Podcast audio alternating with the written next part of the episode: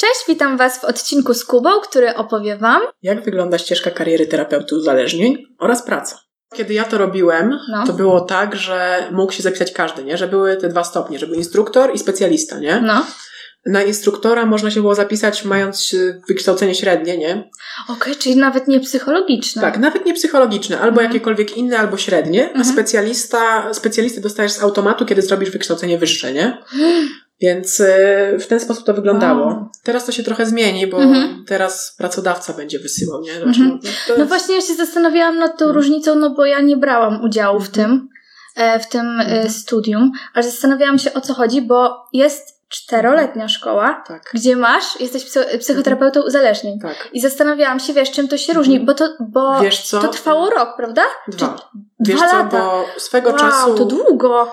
No trochę tak, nie? Nie wiedziałam nawet, że myślałam, że krócej. Tylko, że to była sama część teoretyczna, nie? Aha. E, Bo No. potem jeszcze masz, wiesz, staż, superwizję Mhm. e, i tego typu rzeczy. A teraz, tak, teraz zrobili to trochę dłuższe, ponieważ Mhm. jest dużo więcej staży, nie? Tak jak na przykład na specjalizacji z psychologii klinicznej. Mhm. Więc... e, więc To czekaj, no. to, to była jakaś reforma, że musicie robić więcej staży? Nie, nas to już nie dotyczy, nie? No bo wiesz, według polskiego prawa, Mhm. konstytucji i tak dalej, prawo nie działa wstecz, Mhm. nie? Więc w ustawie jesteśmy też zadeklarowani jako, Mhm. jako ci, którzy jeszcze robili tą starą ścieżką, Mhm. nie? Teraz jak będzie się chciało robić tą nową, no to wiesz, przede wszystkim trzeba mieć już ukończone studia, Mhm. no i trzeba złożyć już wniosek tam do odpowiedniego organu, więc y, to się zmieniło, nie? Kiedyś, kiedyś w ogóle było też o tyle inaczej, że były na przykład dwie ścieżki, nie? Była ścieżka typowo alkoholowa i typowo narkotykowa. nie? Wcześniej, Mhm. wcześniej istniała PARPA. PARPA istniała dość długo, bo Mhm. tam od lat 80. Pamiętam, doktor Chwaszcz mówiła Tak. o tym. Tak, no. PARPA została właściwie powołana ustawą o przeciwdziałaniu alkoholizmowi Mhm. i wychowaniu życiu w trzeźwości. Tego, tego Ja sobie, ja, ja sobie Mhm. sprawdzę, y, rozwiniemy ten skrót właśnie Mhm. PARPA. Tak, Państwowa Agencja Rozwiązywania Problemów Alkoholowych. Tak, tak, to właśnie o to mi chodziło, że kiedyś była Państwowa Agencja Rozwiązywania Tak, no Problemów krajowe. Alkoholowych, Mhm. a teraz y, zmieniło się to w Wiesz co, kiedyś były, Centrum. kiedyś były zupełnie dwie oddzielne instytucje od tego, nie? Mhm. Bo była jedna ustawa właśnie ta, o której mówiłem, o przeciwdziałaniu alkoholizmowi i wychowaniu życiu w trzeźwości i była też ustawa o przeciwdziałaniu narkomanii tam z początku lat 2000. Mhm. Z dniem 1 stycznia 2022 roku, czyli od niedawna, Tak. tak naprawdę Tak, od półtora roku, Tak, od półtora roku. Państwowa Agencja Rozwiązywania Problemów Alkoholowych została połączona z Krajowym Biurem do Spraw Mhm. Przeciwdziałania Narkomanii, czyli to, co tak e, powiedziałeś, że Tak. dwa organy Tak. i połączyły się w teraz istniejące Krajowe Centrum Przeciwdziałania Uzależnieniom. Tak, tak. No. No i ogólnie obie te struktury gdzieś tam Mhm. trochę inne funkcje przejęły w, w, w KCPU, nie? No bo Mhm.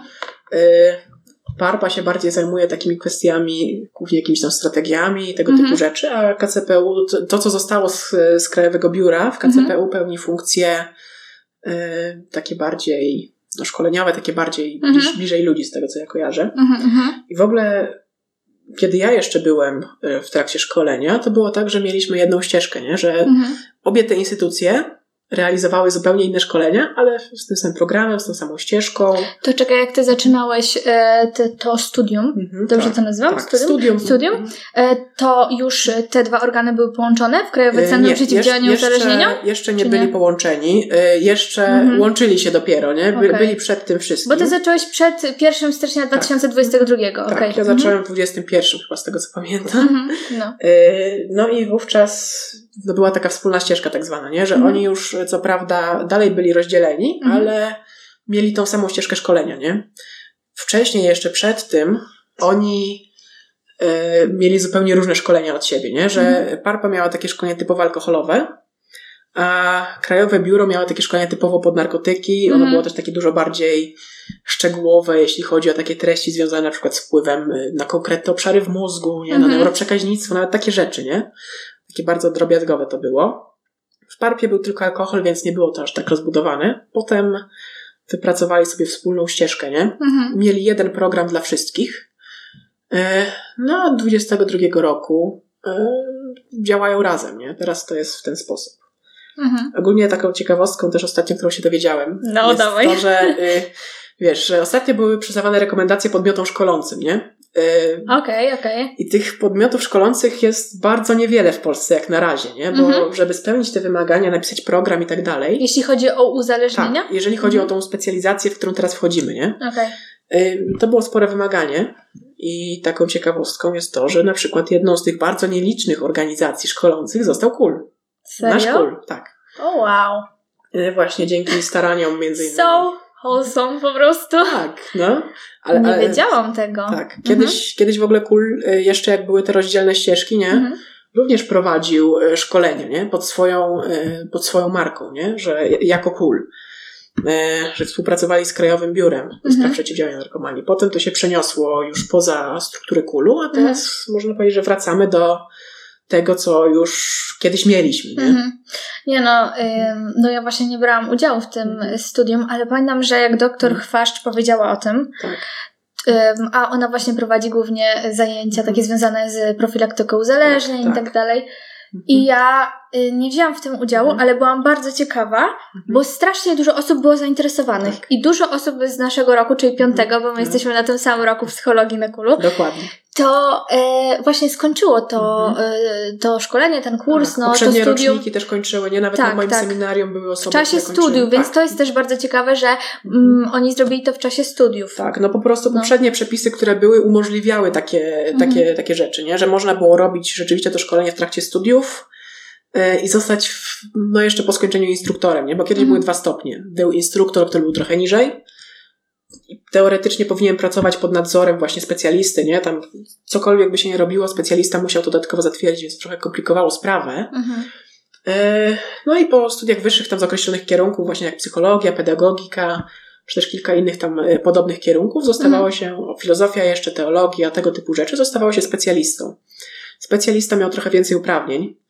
E, Mógł pracować samodzielnie bez kontroli, oczywiście takiej no, zewnętrznej, nie? bo superwizji tutaj nie liczymy, Mhm. bo każdy, który pracuje, powinien gdzieś tam podlegać superwizji. E, No i dało się rzeczywiście zrobić to jeszcze w trakcie robienia tego wyższego wykształcenia, nie? że y, tamte przepisy na to pozwalały. Obecnie y, teraz jest to już specjalizacja, nie? więc y, też trochę się to pozmieniało, ponieważ raczej trzeba mieć jednak y, to wyższe wykształcenie, nie? Mhm. Więc, y, więc Czyli, no. trochę, czyli trochę się zmieniło od tamtego czasu. Tak, trochę się zmieniło Mhm. od tamtego czasu. Y, W ogóle można powiedzieć, że cały, cały, cały ten system się gdzieś tam zmienił w 180 stopni, nie? Bo Mhm. podmioty szkolące się zmieniły, nie? Tak jak Mhm. mówiłem wcześniej, zmienił się program. Pro- Program tego szkolenia co prawda się wiele nie zmienił. Zmieniło się głównie ilość staży, nie? Bo Mhm. Mnie jeszcze obowiązuje taki staż y, no 80-godzinny, nie? Dwa tygodnie w ośrodku. Okej. Więc, y, więc to jest takie, Nie brzmi źle, bo Tak. my mieliśmy 100 godzin praktyk. tak, I to było w sumie, wydaje mi się, że dość mało, a 80 No tak. godzin to, to jest chyba okej, co To nie? jest Do zrobienia? Tak, to są Mhm. dwa tygodnie całe, nie? Więc Mhm. i zwykle tak to wygląda. Mhm. Y, Natomiast teraz, wiesz co, trudno mi jednoznacznie powiedzieć, ile mają tych praktyk, ale tak samo jak na specjalizacji. No, jeśli dokładnie, chodzi o, o, no to mogę powiedzieć, bo Mhm. ostatnio przeglądałam sobie właśnie różne szkoły psychoterapii, No. ale te warszawskie, No. no to tam e, mur beton musisz zrobić No. 360 godzin w każdej szkole No. w szpitalu. no tak. Masz taką praktykę kliniczną. W takich dawnych szkoleniach, tak jak to w ogóle wchodziło jeszcze, nie? Taki Mhm. usystematyzowany bardziej program szkoleń. Było tak, że w ogóle osoba w trakcie stażu nie? w placówce musiała na jeden dzień stać się pacjentem. Naprawdę? Tak, bez kitu, że trzeba było, wiesz, przez jeden Wow. dzień zostać normalnie y, pacjentem, mieć te same obowiązki, spędzać z nimi czas, nie? Mhm. Y, A to nie, niesamowite, y, ale to uczę, e, chodziło o empatię, nie? tak. Żeby kształtować empatię w stosunku do No. pacjentów, żeby nie stawiać siebie jako ta No. osoba nadrzędna, No. bo tutaj Ale e, też, też zrozumieć, jak to jest bycie, być w roli pacjenta, nie? Tak jak Mhm. na przykład na szkole zwykłej psychoterapii, nie? Masz psychoterapię własną wymaganą, nie?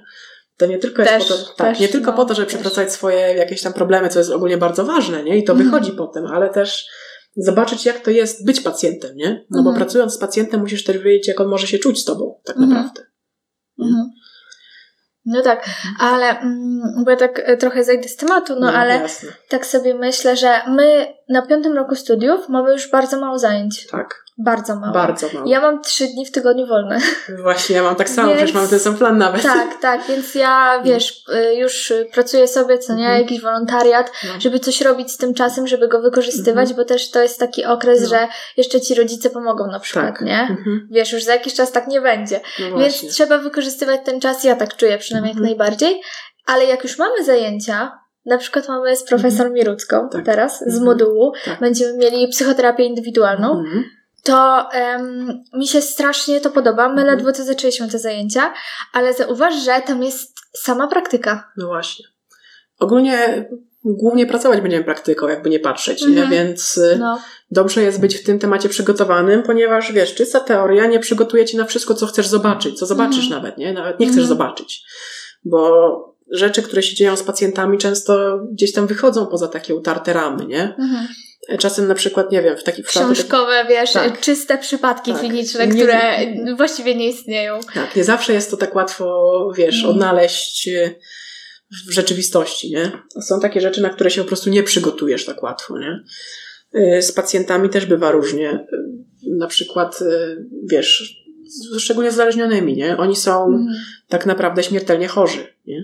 I możesz im poprawić komfort życia, nie? Mhm. Przygotować ich do takiego normalniejszego funkcjonowania, ale ich nie wyleczysz, nie? Mhm. I na to też trzeba Mhm. uważać. To może zanim właśnie Mhm. e, przejdziemy do tych doświadczeń Jasne. takich związanych z praktyką, No.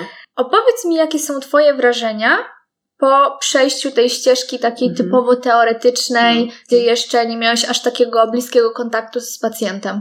Ja no miałem już bliski kontakt z pacjentem, Ale. z wieloma. A, okej, okej, no, okej. więc wiesz, Mhm. Ale zacząłeś odbywać ten staż em, po jakim czasie? wiesz co, ja po pierwszym roku e, już takich zajęć teoretycznych, Mhm. nie? Zgłosi... Czyli, czyli rok minął. Tak, minął Mhm. rok, nie? Ja miałem już jakieś tam przygotowanie, nie? Zgłosiłem się do ośrodka, który był u mnie w okolicy, nie? Że Mhm. chciałbym u nich e, no, zdobyć trochę doświadczenia. To No, nie jest jakoś super szybko. W sumie rok to Tak. sporo czasu, żeby się czegoś, wiesz, douczyć. Tak, no Mhm. więc jeżeli chodzi o takie doświadczenie, no to można powiedzieć, że w czerwcu przyszłego roku no to już miał dwa lata, nie? Takiej Mhm. pracy z pacjentami. Mhm. E, I jak wyglądały te zajęcia teoretyczne? Co na nich robiliście, wiesz? Wiesz co, bardzo podobnie wyglądały do tych, które mieliśmy na studiach. Nie? Na Okej. przykład y, mieliśmy taki jedny z pierwszych zajęć, nie takich ważniejszych, to są treningi, nie? Trening y, interpersonalny, intrapsychiczny, nie? To było bardzo podobne do tych zajęć, które mieliśmy w, Było na, na, czwartym studiach, roku. Tak, było no. na studiach. No. tak y, ogólnie y, to jest coś, co nam się powtarza. Y, Czyli tak naprawdę to pewnie tak. to samo, co mieliśmy na psychologii, e, Tak. po kolei, wiesz, od Mhm. jakichś e, Tak. stricte kwestii teoretycznych do właśnie scenek, do tak. Scenek było w ogóle przygotowywania do praktyki, no. Scenek w ogóle Mhm. było bardzo dużo, nie? Na tym trochę bazowaliśmy. No bo wiesz, scenka to jest y, po prostu odbycie, wiesz, rozmowy w takim kontrolowanym otoczeniu, nie? Możesz się sprawdzić. Mhm. Więc, y, więc tych scenek było sporo.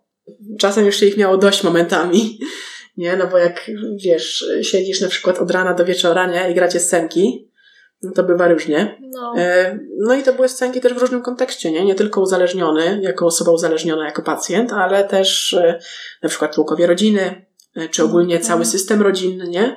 Mhm. Takie w takim dość szerokim pojęciu. Takie elementy psychodramy się pojawiały. Mieliśmy z panią doktor Trubiłowicz, nie? Ona też Mhm. gdzieś tam na kół czasem się pojawia. E, Terapię systemową. To jest, Mhm. to było podobne do tego, co na przykład mieliśmy w tamtym roku chyba, z Mhm. panią doktor Litwińską Rączką, nie? Oj, bardzo dobrze wspominam te Mhm. zajęcia. W sensie nienawidziłam ich, bo były na 7.30 No właśnie, i to jeszcze w Tak. zimie. w zimę. No. Boże, na 7.30 w zimę mieć zajęcia.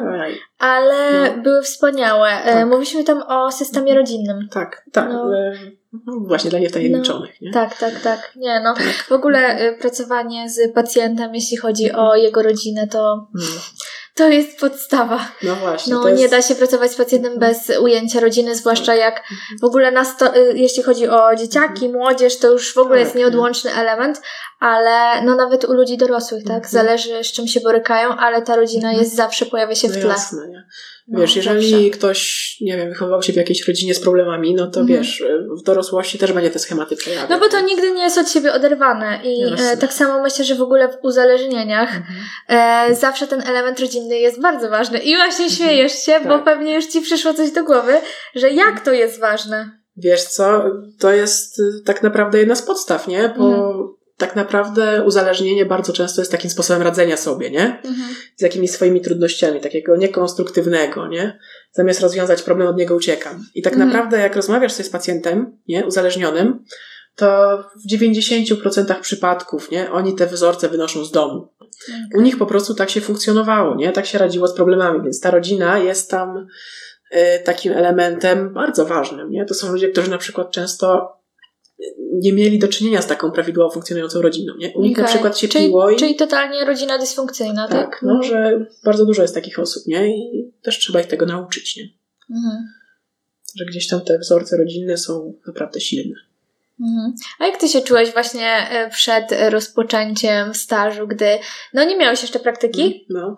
e, ani tej studenckiej, Mhm, tak. ani tej związanej właśnie No. z pacjentem, który jest uzależniony od, od jakiejś substancji i no nagle stoisz przed takim wyzwaniem, Bo- że niejako masz wejść w rolę No. osoby, która już coś wie, ma kompetencje No. i wiesz, musi być w pewien sposób pewna siebie, żeby Mhm. ktoś chciał cię posłuchać i Mhm. e, chciał poczuć, że on chce cię słuchać właśnie. Nawet nie wiesz, jak mnie stres wtedy zjada. Ale ja, no to jest... No. A czy to jest, y, wiesz, No. zawsze jak zaczynasz pracę bez względu y, z, w No. jakiej dziedzinie tam psychologii, nie? No, No to zawsze stres cię będzie zjadał, nie? Ale wiesz co, bo ja mam No. wrażenie, że właśnie jak się rozmawia z już psychologami, no, psychoterapeutami, No. osobami pracującymi w zawodzie, to wiesz, tam jest często ten element takiej em, pompatyczności, w No. którym nie mam przestrzeni na to, żeby popełniać jakieś błędy, Mhm. żeby em, się mylić, że wiesz, ludzie często pokazują siebie jako już po prostu takich e, Mhm. starców, no. którzy mają wszelką mądrość. To się I, nazywa narcyzm. I chciałam No. właśnie, chciałam właśnie przedstawić taką perspektywę, Mhm. jako że my tutaj właśnie e, gadamy sobie ze studentami, No. żeby przedstawić tą perspektywę, że my wchodzimy Mhm. w to, powoli w tą rolę Mhm. i wiesz, tam jest stres. I Mhm. tam jest to poczucie niepewności. Wiesz co, jeżeli... I my sobie z tym musimy poradzić jakoś. No właśnie, wiesz co, jeżeli gadasz z kimś, kto naprawdę, wiesz, jest dla ciebie jakimś tam autorytetem, nie? I on Mhm. naprawdę potrafi, ma za zadanie cię wyszkolić, to są osoby, które, przynajmniej ja spotkałem w trakcie szkolenia, nie? To Mhm. były osoby, które na przykład nie bały się powiedzieć, że na przykład nie wiedziały, co zrobić, nie? Mhm. Nawet na moim treningu była taka sytuacja, że trenerka otwarcie nam powiedziała, że ona nie wie, jak ma na, tę na tą sytuację zareagować, nie? Więc... y, No to jest piękne. Właśnie powiem Ci szczerze, że ja no, już do tego piątego roku e, poznałam trochę prowadzących i właśnie to, jak Mhm. ktoś e, ma na przykład, jest profesorem No. e, i powie Mhm. na jakichś zajęciach, że kurczę, w sumie nie wiem, No. w sumie nie mam pojęcia. To jest dla mnie najlepszy wskaźnik. Mhm. Dobrze o tym powiedziałeś właśnie, No. bo ja tak samo czuję, że to jest dla mnie najlepszy wskaźnik, Mhm. że ktoś ma ogrom wiedzy No i im więcej wiedzy posiadasz, tym bardziej zdajesz sobie sprawę z tego, Mhm. że nie wiesz, No że jeszcze tak wiele rzeczy nie wiesz, bo zdajesz sobie sprawę z tego, jak tego jest dużo. No, myślę, że wszyscy będziemy przez to przechodzić, jakby nie patrzeć, nie? Że Mhm. w pewnym momencie gdzieś tam każdy się poczuje ekspercko, nie? A Mhm. potem. Się zachłyśnie trochę. Tak. Może tym wiesz, właśnie No, takie, wydaje mi się, że to też jest takie specyficzne dla e, e, świeżego studenta Mhm. psychologii, który kończy studia, Mhm. Tak. że można wpaść w zachłyśnięcie się Mhm. tym, że o wow, ja już Tak. tyle wiem. Tak, mam tytuł magistra, Tak, nie? mam Jakby tytuł nie magistra. patrzeć. I to w takiej prestiżowej dziedzinie. Tak. No bo co jak co, jednak to się Psycholodzy przecież No. już e, w jakichś e, telewizji śniadaniowych Mhm. rozmawiają po prostu i jedna i ta sama osoba Mhm. nie ma sprecyzowanej e, e, kwestii, Mhm. o której mówi, tylko jest raz do relacji, raz do narcyzmu. No. Wiesz, raz, No. raz relacje, raz zaburzenia osobowości, raz jakieś kliniczne rzeczy. No. E, I ja się zastanawiam, czy dzisiaj to jest w ogóle jeszcze na e, inny odcinek, bo to jest zbyt głęboki Mhm. temat, ale psycholodzy są stawiani w roli takich po prostu autorytetów dotyczących wszystkiego. No I ja bym właśnie. chciała powiedzieć, że to jest nieprawda. No właśnie, wiesz co, ja myślę, że jest w ogóle takie przekonanie wśród ludzi, nie? Że do psychologa trochę łatwiej pójść niż do psychiatry na przykład, nie? Mhm. Że psycholog to jest trochę taki modny Mhm. momentami, nie? Taki lifestyle'owy. Teraz tak, Tak. tak. No kiedyś było, kiedyś było wstyd, teraz Mhm. nie jest, ale Mhm. teraz trochę mam wrażenie, że wręcz uznaje się za specjalistę od wszystkiego czasem psychologa, nie? Mm. I że czasem trudno jest, wiesz, tej roli zaprzeczyć, nie? No właśnie. Kiedy, wiesz, na przykład ja byłem na szkoleniu, byłem głównie wśród psychologów, nie? Albo osób, które się szkoliły na psychologa. Więc y, tam trochę inaczej rozmawialiśmy, nie? Tam to nawet prowadzący budowali taką atmosferę, nie? Oni też mówili, że na przykład nie wiem, jak mam zareagować w tej sytuacji. Ja też wiele razy miałem tak, że nie wiedziałem po prostu, nie? Mm. Co mam zrobić. Więc y, tutaj na pewno jest możliwość poznania takiej trochę bardziej pozytywnej strony, nie? Psychologów. Więc y, No właśnie, że, Mhm. że y, nie jesteśmy i nie będziemy ekspertami od wszystkiego. Tak. Można mieć wiedzę na jakiś temat i można się czymś zajmować. Są też e, w ogóle psycholodzy, którzy zajmują się No. stricte na przykład e, zaburzeniem osobowości typu borderline. No. I tylko i wyłącznie tym. I to jest dla mnie super, bo ja wtedy No. wiem, że ta osoba, wiesz, ona Mhm. musi wiedzieć, No. bo ona zajmuje się tym. Tak. Ale jeśli ktoś, no, ja będę to krytykować, bo jeśli ktoś chodzi do telewizji śniadaniowej i No. jest przedstawiony jako psycholog, ekspert od wszystkiego, no to ja już wiem, że po prostu okej, on ma jakąś działkę wiedzy, w, w której pewnie wie, Mhm. Ale nie wątpię, że No. przed tym przyjściem do tej telewizji śniadaniowej prawdopodobnie zajęło mu to półtora godziny, Mhm. żeby się czegoś nauczyć. No. I wiesz, ma 15 sekund, żeby coś powiedzieć, Mhm. bo tak działa telewizja. no właśnie. Em, no ale wiesz, jak, jaki to buduje wizerunek? No właśnie. I później wiesz, jakby to się też odbija na nas, bo e, my albo dostajemy, albo będziemy dostawać takie pytania, na które nie Mhm. znamy odpowiedzi. A ty, ale ty jesteś psychologiem, nie? Tak, ale wiesz, albo ty jesteś, co? wiesz, ty już jesteś na piątym roku i ty nie wiesz? Ale wiesz co? Wiesz. Czasem najlepsze, co możesz powiedzieć pacjentowi, to nie wiem. Po prostu, nie? Mhm. No bo y, Bo pokażesz siebie jako człowieka. tak, pokażesz jesteś siebie jako normalna człowieka, nie? po prostu. Tak, normalną osobą Mhm. jesteś, nie? Też możesz czegoś nie wiedzieć, nie? I po, przy okazji jesteś jeszcze szczera z pacjentem, nie? Nie wciskasz mu kitu, że wiesz, mimo tego, że nie wiesz, tylko jesteś z nim szczera, nie? Mhm. Na tym polega relacja. Mhm. No i jak e, twoi pacjenci reagowali, jak mówiłeś, że nie wiesz?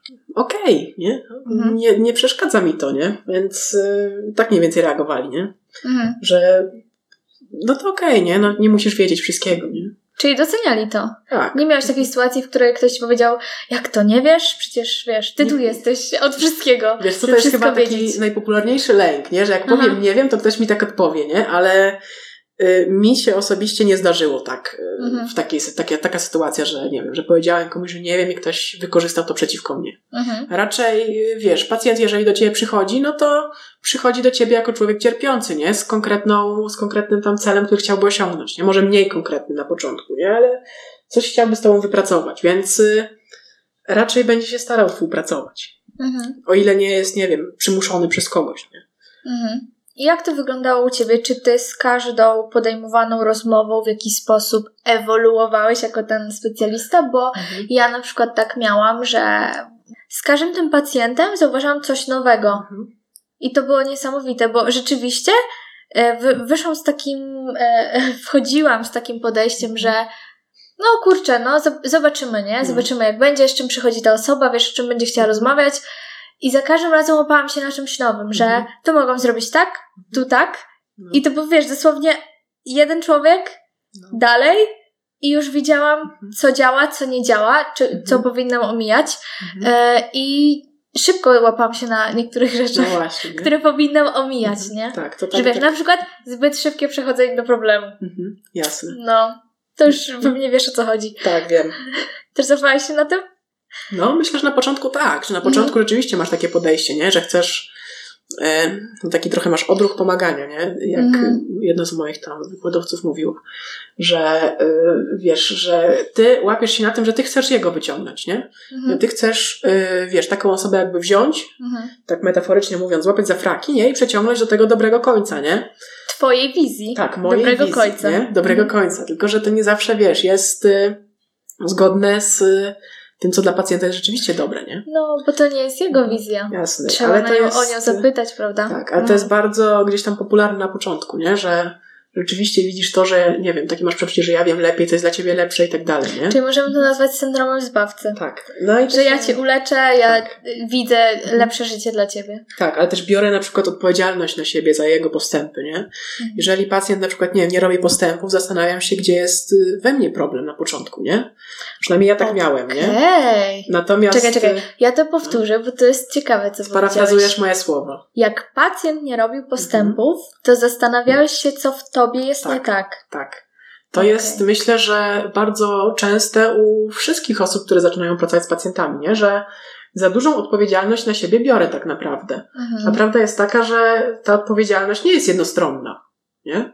To trzeba Zupełnie nie. Trzeba dostrzec z czasem, nie? że tak naprawdę większą odpowiedzialność za swoje leczenie, za przebieg terapii ma pacjent. Nie? Ja bym powiedziała nawet, że odpowiedzialność e, osoby prowadzącej terapię to jest jedna trzecia. No. A dwie trzecie to jest człowiek, bo to jest Jasne. jego motywacja, no jego tak. chęć i jego zaangażowanie.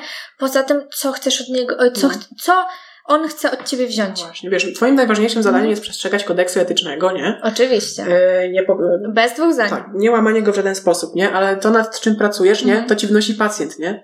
Ty go nie znasz. To jest osoba e, trzecia, którą równie dobrze można było spotkać na ulicy, nie? No właśnie. I to, co on ci wniesie, nad tym możesz pracować, nie? Nie pracujesz nad niczym, Jasne. co nie jest wniesione przez pacjenta. Jasne. Czyli nie wmawiasz mu niczego, nie mówisz, co mhm. widzisz, co mogłoby być jego problemem. Mhm. Mhm. Jasne. Jeżeli pacjent na przykład nie chce współpracować, dobrze jest się nad tym zatrzymać, nie? co mu przeszkadza, nie? Mhm. Y, czy na przykład, nie czy wiem... Masz na myśli to... słynny opór, tak? Tak, mam na, myśli, mam na myśli słynny opór Jenrighta, więc... Okay. Mhm. Y, więc... Y, to, to jest ogólnie podstawa. Mieliśmy to na studiach. Mm, oczywiście, to Oczywiście. o oporze się cały czas mówi, tak? Tak, mieliśmy Spóźnianie to. się na terapię jako tak. metafora mhm. oporu. Tak. Przed tym, żeby nie mhm. wchodzić w głębsze tematy Jasne. z terapeutą. Mhm. Mhm. Jasne, żeby ten czas gdzieś tam zostawić, nie? Żeby, mhm. żeby go w ten sposób gdzieś tam no odłożyć, tak. nie? Na później. Więc y, ogólnie opór się często pojawia, zwłaszcza w uzależnieniach, nie? Bo jakby nie patrzeć, to jest y, wciąż jednak trochę takie stygmatyzujące miano, nie? Mhm. Kiedy y, powiesz, nie wiem, y, o kimś, że jest uzależniony, to z czymś się kojarzy, nie? Na początku. Mhm. Czyli nadaje jakąś etykietę, tak? tak? O że, sobie? O tak, że mamy po prostu takie, a nie inne postrzeganie osoby uzależnionej, nie? Mhm. Że, to, to, że raczej postrzegamy go jako kogoś, nie wiem, niepracującego, coś takiego. To są bardzo często ludzie, yy, nie wiem, na bardzo wysokich stanowiskach, yy, na, nie wiem, lekarze, policjanci, ogólnie osoby, które moglibyśmy często, wiesz, przyjąć za wzór, nie? Mhm. Takich osób jest bardzo wiele i na szczęście to się no, trochę zmienia, jak no nie patrzeć. Właśnie, no wiesz, bo y, zawsze jak się wchodzi w jakąś grupę, której się mhm. nie znało wcześniej, mhm. ma się jakieś stereotypy związane z nią. Mhm. I, y, Im bardziej grupa jest niedostępna, mhm. tym więcej jest tych stereotypów. Ale wiesz co, to nawet pacjenci mają stereotypy na temat tego, kim jest alkoholik, nie? To jest, można powiedzieć... Oni sami? Tak, oni sami. Będąc, tak, osobą tak. uzależnioną od alkoholu, mają stereotypy na temat osoby uzależnionej od alkoholu. Tak, wiesz dlaczego? Okay. Bo ogólnie jest coś takiego jak mechanizmy uzależnienia, nie? Mhm. Jednym z takich najbardziej trzymających ich z dala od, od wiedzy, nie? Od uświadomienia sobie tego, że ja mam problem, mhm. jest mechanizm iluzji zaprzeczeń, nie? To jest taki mechanizm, zbiór po prostu różnych zniekształceń poznawczych, mhm. które gdzieś tam y, pokazują mi rzeczywistość zupełnie inaczej niż ona jest w rzeczywistości, nie? To jest zaprzeczanie, nie? Nawet jak złapiesz czasem kogoś z ręką, z butelką, wiesz, w ręce, nie? On mhm. ci zaprzeczy, że on nie pił, nie? Mhm. I dla niego to będzie prawda. Mhm. Tutaj ten taki element poznawczy jest bardzo silny, nie? I te przekonania też dużą rolę grają. Oni nie chcą się utożsamiać z kimś, kto jest y, utożsamiany jako brudny, bezrobotny mhm. i ogólnie taki negatywny sposób. Że bardzo często jest taka wizja w społeczeństwie i oni to chętnie podłapują, nie? Żeby też zapewnić sobie też komfort. Co prawda to nie jest takie świadome, nie? Bo to nie jest, może to zabrzmieć tak, nie? Jakby to było, wiesz, że oni są tacy, że oni, y, wiesz, wykorzystują to tylko po to, żeby sobie pić dalej. Nie, to nie jest tak. Oni po mhm. prostu w to wierzą. Dla mhm. nich tak wygląda rzeczywistość i no dla kogoś, kto gdzieś z, z, boku tego posłucha i pewnie nie jest studentem psychologii, mm. to może wydawać się absurdalne, jak ktoś, kto na przykład y, zostaje złapany z butelką w ręce, tak. może wypierać to, mm. że pije. Tak. Ale to jest y, bardzo silny element poznawczy, tak jak mm. o tym powiedziałeś przed Jasne. chwilą. Tak naprawdę tutaj takie poznawcze treści są y, bardzo, bardzo ważne, nie? Ponieważ mm oni tą rzeczywistość postrzegają zupełnie inaczej, nie? Przez pryzmat po prostu różnych zniekształceń, mechanizmów, nie? Mhm. Mm, no i te przekonania na temat tego, kim jest alkoholik albo narkoman też są. No bo ja taki nie jestem, więc ja nie mam problemu, nie? Mhm. Jakby nie patrzeć, mózg y, tak się już wycwania, że, że sam się domaga, nie? I nie chce sobie tego świadomić po prostu. Takiej świadomej. Mhm. No, no ja właśnie, y, będąc na praktykach na oddziale, mhm. y, wiesz, też chcąc czy nie chcąc, mhm. nie widziałam tej grupy, tak? No. E, a grupa osób chorych psychicznie też jest naznaczona jakąś mhm. etykietą, jakimś stereotypem. No. I będąc tam zauważyłam, że e, nie ma kogoś, kto jest chory psychicznie i coś mhm. jeszcze. No. To jest osoba, która może być dyrektorem, mhm. może, wiesz, mieć sieć hoteli, mhm. może być super bogata, może być super biedna. To w ogóle y, choroba psychiczna tak jak uzależnienie, Mhm. nie jest podzielona na klasę. Jasne, to jest coś, co tak naprawdę może zachorować każdy, nie? Ponieważ w przypadku uzależnienia, ale też wielu chorób psychicznych chociażby, nie? czy zaburzeń, nie mamy jasnych, y, jasnej wiedzy na temat tego, co ją wywołuje nawet, nie? Mhm. w przypadku uzależnień są pewne wskazania, nie? Są pewne hipotezy, ale to są bardziej przesłanki niż, niż jakieś takie dowody, nie? Które są niepodważalne, nie? Mhm. U jednego to może działać, u innego nie. Kiedyś było takie przekonanie, że to się wszystko bierze z genów. Mhm.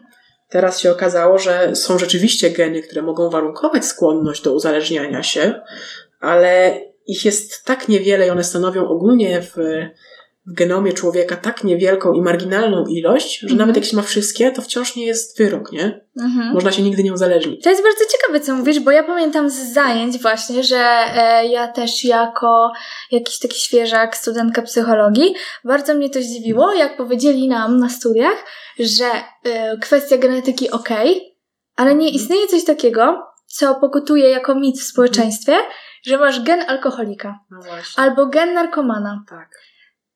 Na przykład chodzi o to, że ktoś em, lepiej e, przystosowuje się do tego stanu, gdy ma tego słynnego kaca, tak? Mhm. Czyli lepiej znosi skutki tego alkoholu na następny Mhm. dzień. I jeśli ktoś może dużo wypić Mhm. i ma tylko ten pozytywny objaw, Mhm. Czyli ten e, po prostu boost w mózgu, gdzie czuje się śmiały, wspaniały i e, wiesz, Problemy jest królem, impre- jest królem imprezy i może o wszystkim zapomnieć. I później nie ma tego negatywnego takiego afektu, gdzie czuje się źle. To jest kwestia właśnie genetyki. No. To em, oczywiście jest mu o wiele łatwiej wpaść w uzależnienie, Mhm. bo może traktować sobie alkohol jako pewne, tak jak powiedziałeś, em, może sobie coś nim robić. No właśnie. Coś sobie zastępować, nie? Bo ten Mhm. alkohol wtedy jest po coś w jego życiu. Mhm. I wtedy oczywiście, że jest większe prawdopodobieństwo, że się szybciej uzależni. Ale ja na przykład No. niejednokrotnie, wiesz, słysząc, a bo wiesz, to ojciec pił, on będzie pił, nie? A No. jeszcze jest kwestia przecież typowo behawioralna. No.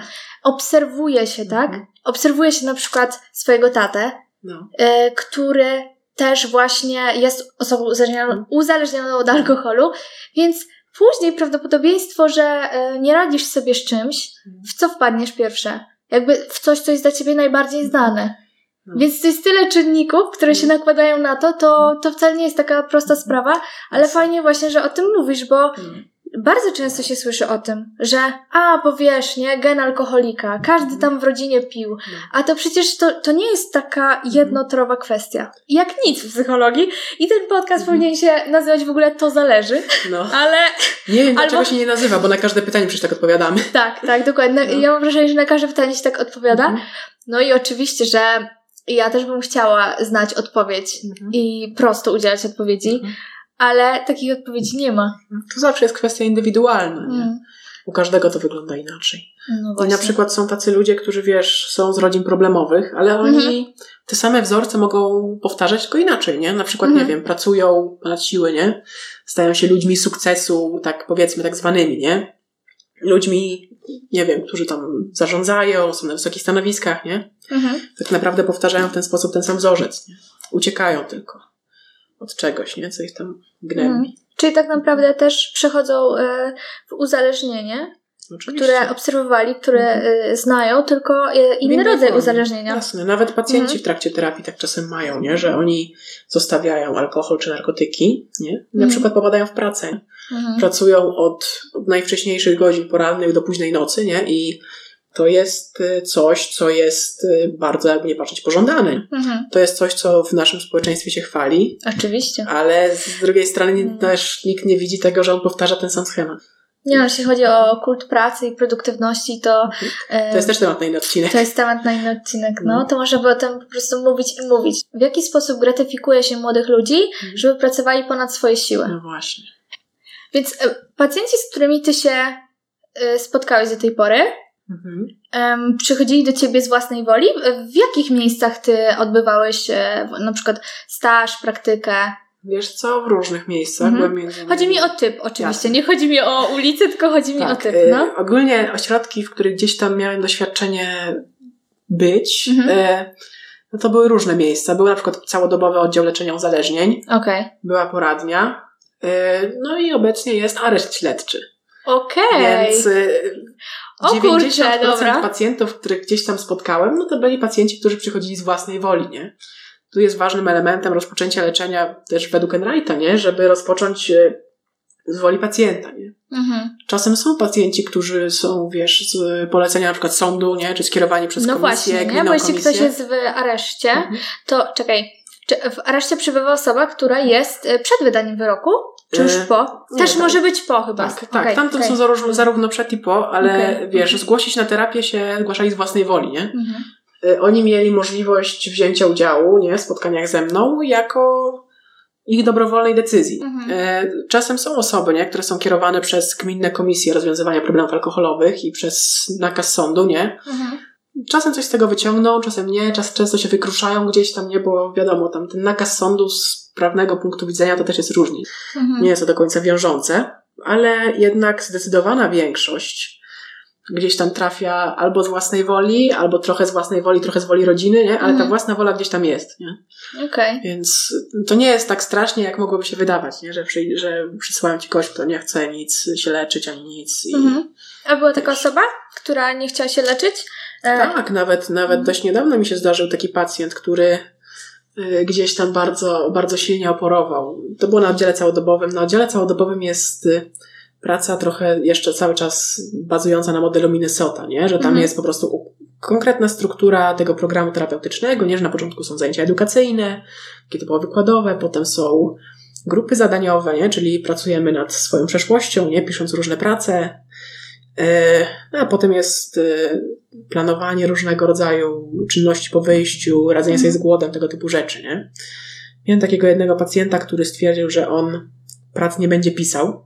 E, W związku z tym nie mogłem mu zaliczyć tej pracy, nie, nie mogłem go puścić dalej w terapii. Więc, A, o jakie, o jakie prace chodziło? O jakich co? pracach mówimy? Wiesz co, y, praca wygląda w ten sposób, y, że oni muszą wypisać pięć przykładów do jakiegoś tematu. Nie? Na przykład tematy są najboleśniejsza konsekwencja picia, wpływ picia na życie rodzinne, nie? I pięć konsekwencji, czy tam y, Czyli różnych... osobiste rzeczy. Tak, no i nad tym, nad tym się pracuje, nie? Cała grupa to czyta, nie? Potem wracamy do tego, udzielamy sobie informacji zwrotnych. Miałem takiego jednego pacjenta, który trafił, że tak powiem, z nie swojej woli i bardzo nie chciał brać w tym udziału. Mhm. Y, Są takie osoby czasem, ale są raczej w mniejszości. Mhm. Miałem też raz na początku, zupełnie w pierwszym tygodniu swojej drogi, nie? Takiego pana, który już był wcześniej na Mhm. leczeniu i strasznie mu przeszkadzało to, że cały czas robimy ten sam program, nie? Że on chciał zupełnie co innego. Też to słyszałam. Jasne. Mhm. Że są takie osoby, które się zdarzają, ale wiesz, jeżeli jest grupa, nie? No to grupa też go jakoś tam ustawi do pionu, nie? Grupa w jakiś sposób y, no, nie przepuści takich sytuacji, nie? Bo Mhm. jeżeli w grupie większość osób chce się jednak leczyć, nie? To nie będą tego dążyć.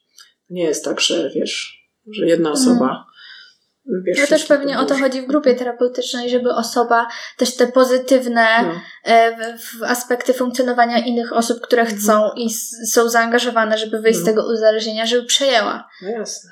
To Mhm. jest, to jest prawda, nie? Ale też, wiesz, każdy ma swoje doświadczenia, Mhm. można się nimi wymienić w takiej kwestii, czego unikać, nie? E, Oczywiście. Wiesz, będąc terapeutą, no i nie będąc osobą uzależnioną, nie wiesz na przykład wszystkiego, nie? To się Mhm. dowiadujesz z czasem, na początku. Znaczy, no, z czasem się dowiadujesz, na początku niewiele wiesz tak naprawdę.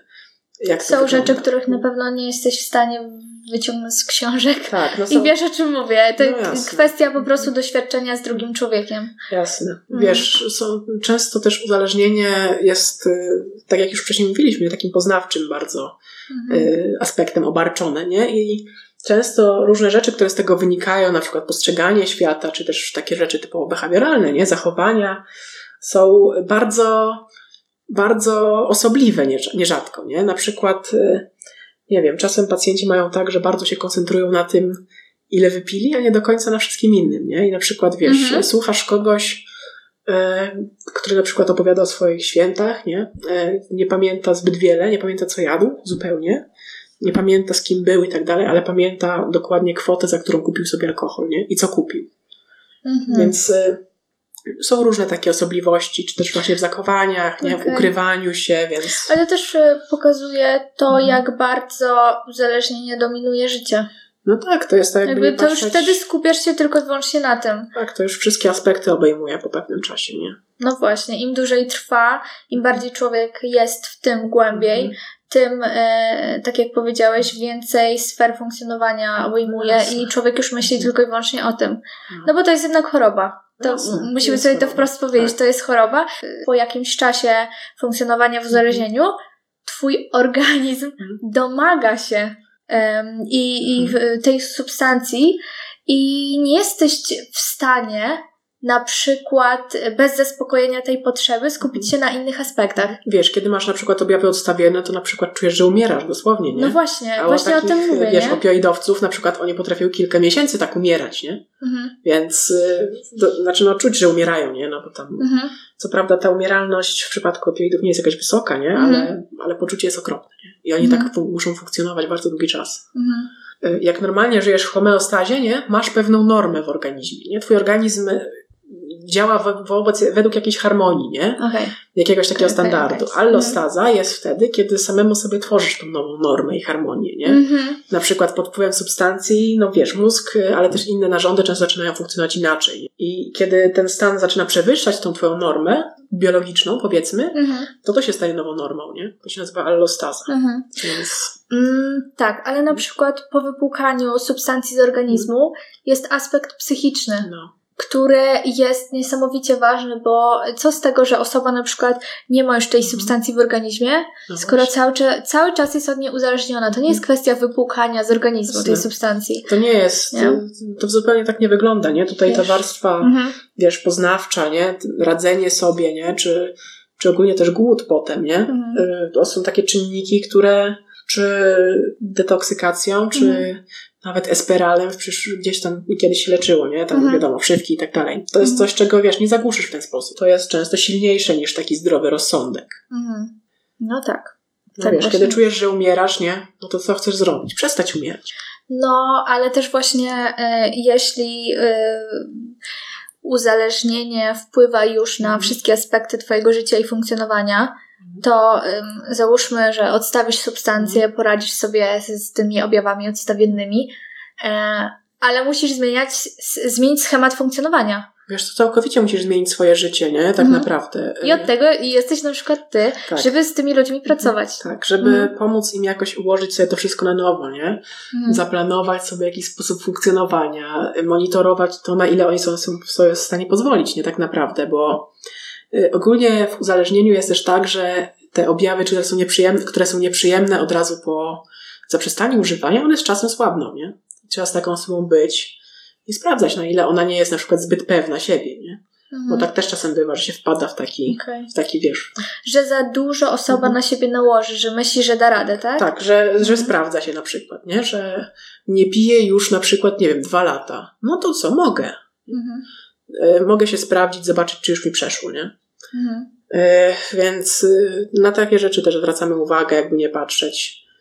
Wspieramy też w budowaniu tej sprawczości, o której mówisz, nie? Ponieważ Mhm. często z uzależnieniem też idzie bardzo niskie poczucie takiej sprawczości, ale też własnej wartości, nie? No dokładnie. Ludzie, ludzie mają y, tak, że na przykład alkohol nimi kieruje, nie? I oni tą sprawczość zrzucają na alkohol czy narkotyki. Y, a niskie poczucie własnej wartości jeszcze jest jak y, uświadomię sobie wszystko, co zrobiłem złego po alkoholu. Mhm. To nie przypisując e, uzależnienia, ale e, z czasów studenckich, e, myślę, że ty też znasz milion takich osób, Mhm. które gdzieś tam na co dzień Mhm. są bardzo zamknięte w sobie i No. nieśmiałe, e, a gdy po prostu spróbują substancji, e, No. jaką jest na przykład alkohol, No, no to totalnie po prostu otwiera się nowa część osobowości, tak, która jest język, ekstrawertyczna. No oczywiście nie działa e, hamowanie. Tak, no kora przedczołowa tutaj, wiesz, y, Tak. znosi się działanie, Mhm, więc... mhm. Ale to, to jest właśnie niebezpieczne, jeśli, znaczy można tak mówić o wielu kwestiach, ale uważam, że to jest niebezpieczne w momencie, gdy em, ktoś reguluje sobie właśnie na przykład interakcje społeczne. Wiesz co, to o czym mówisz, I to się nazywa Idzie ogóle... na imprezę i wie, że nie zagada, no. przepraszam, że ci przerwę, wie, mhm. że nie zagada, bo mam w głowie taką mhm. postać, niestety. No. Wie, że nie zagada, jak się nie napije. No. Wiesz, ale później, no jakby tak. przychodzi moment refleksji, że mhm. kurczę, hmm, no coś jest nie, nie okej, okay, nie? No. Tylko, że najczęściej jest ten motyw mhm. wyparcia, prawda? Jest ten mechanizm Jasne. obronny, w którym osoba wypiera, że. Albo racjonalizuje no. sobie, no, nie, że to przecież jest w takim, a nie innym celu. Mhm. To, o czym w ogóle mówisz, to jest jeden z mechanizmów uzależnienia. Mhm. On jest takim najbardziej powszechnym, naj, najwcześniejszym, nie, który się pojawia. Mhm. Ogólnie on występuje chyba u większości osób, które tak naprawdę spożywają alkohol. Nazywa się rozdwojony ja. Mhm.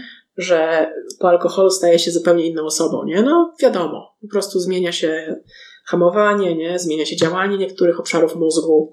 Y, natomiast jeżeli zacznie mi to odpowiadać, nie? Tak jak ty mówisz, że y, staje się bardziej rozgadany na imprezie. Jestem nie? fajniejszy, nie? Tak, jestem Więcej fajniejszy. znajomych zdobywam tylko Jasne. i wyłącznie jak się napiję. Tak, no to wtedy wiesz, ruszamy dalej, nie? W mhm. uzależnienie. Tak Albo w ogóle mam grupkę znajomych, e, mhm. w której ta relacja polega tylko i wyłącznie na tym, że pijemy razem alkohol albo bierzemy razem narkotyki. No. no jakby wiesz, przypadek z no. życia, nie? Jakich no wiele. Ogólnie y, kiedyś się mówiło też o czymś takim, że były pewne wzorce, nie? Mhm. jeżeli chodzi o uzależnienie. Że był taki wzorzec typowo męski i kobiecy. Teraz to się rozjeżdża, nie? Mhm. ponieważ te wzorce się bardzo między sobą przeplatają, więc no nie mówię, że to jest aktualna wiedza, bo.